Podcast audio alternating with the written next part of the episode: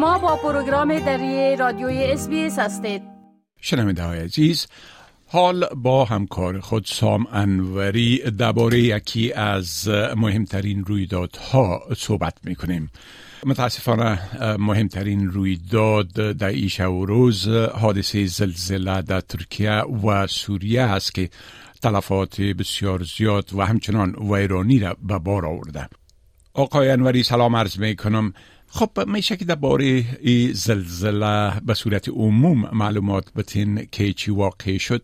با سلام به شما و شنوندگان عزیز. بله متاسفانه همانطوری که شما اشاره کردید بامداد روز دوشنبه به وقت محلی دو زلزله قدرتمند محدوده بزرگی از جنوب ترکیه و شمال غرب سوریه را تکان داد که تلفات اونها تا اکنون به بیش از 3700 نفر رسیده. شدت زلزله اول که حوالی ساعت 4 و 17 دقیقه صبح رخ داد هفت اشاری هشت درجه و شدت زلزله دوم که اوایل بعد از ظهر دوشنبه رخ داد هفت اشاری پنج درجه اعلام شده. مقامات ترکیه گفتند که زمین لرزه دوم پس لرزه زلزله اول نبوده بلکه یک زلزله جداگانه بوده. کارشناسان هم میگن که این زلزله یکی از بزرگترین زلزله ها در تاریخ ترکیه و بزرگترین زلزله کشور در قرن 21 است در قرن حاضر. این زلزله به حد قدرتمند بوده که در لبنان، دمشق که پایتخت سوریه است و عراق هم احساس شده عملیات امداد و نجات زلزله زدگان از زیر آوار ساختمان ها آغاز شده اما امدادگران با سرمای شدید و کوههای از آوار ساختمان های روبرو هستند که در نتیجه زلزله کاملا ویران شدند.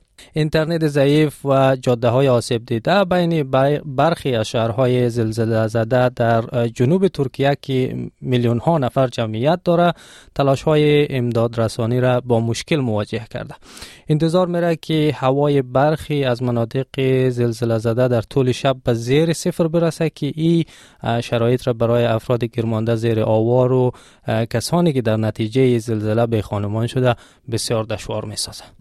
بله خب درباره تلفات اگر به صورت مشخص بگوین که در کدام کشور چی تعداد مردم در اثر ای زلزله جان دادن و او یک تعداد زیاد هم زخمی شدن. بله.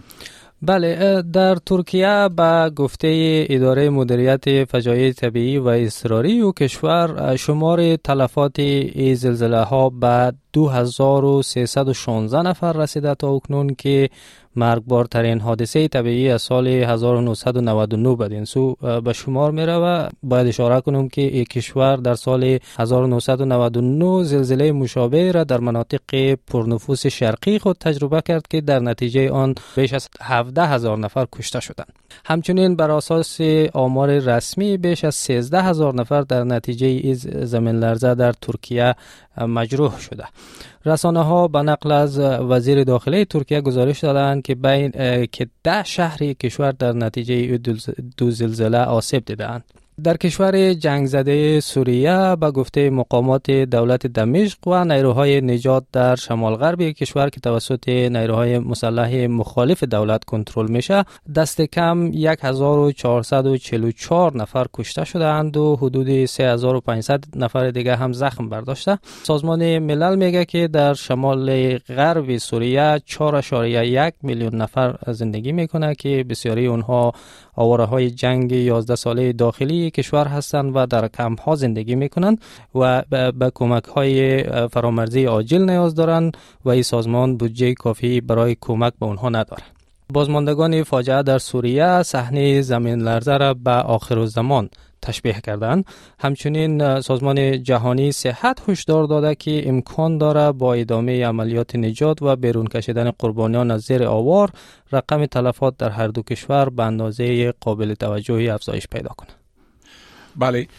خب کشورهای جهان هم در برابر این حادثه واکنش های نشان داده و وعده دادن که با این دو کشور که شدیدن صدمه دیدن همکاری خواد کردن و برشان کمک خواهد فرستاد و یک از کشورها قبلا کمک هایشان به ای دو کشور فرستادن. بله. بله اگر به صورت خلاصه اشاره کنم کشورهای مختلف جهان ضمن ابراز همدردی برای ارسال کمک به ترکیه و سوریه اعلام آمادگی کردند.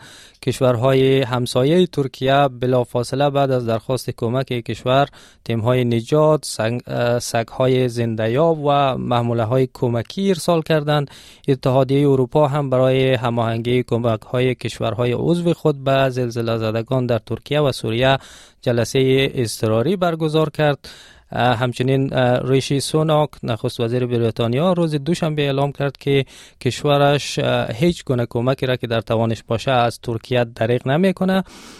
جو بایدن رئیس جمهور آمریکا با همتای ترک خود رجب طیب اردوغان صحبت کرد و به او اطمینان داد که ایالات متحده آماده هر گونه همکاری است و بعدش هم سفیر آمریکا در ترکیه اعلام کرد که دو تیم نجات کشور بر ترکیه اعزام شده. و در استرالیا هم مقامت حکومت فدرال از جمله نخست وزیر البنیزی و پینی وانگ وزیر خارجه کشور هم با قربانیان حادثه در ترکیه و سوریه ابراز همدردی کردند. بله خب بسیار تشکر آقای انوری از معلوماتتان و فعلا شما را به خدا می سپارم روزتان خوش تشکر از شما خدا نگهدار می خواهید این گونه گزارش ها را بیشتر بشنوید؟ با این گزارشات از طریق Apple Podcasts، Google Podcasts، Spotify و یا هر جایی که پادکاستتان را می گیرید گوش دهید.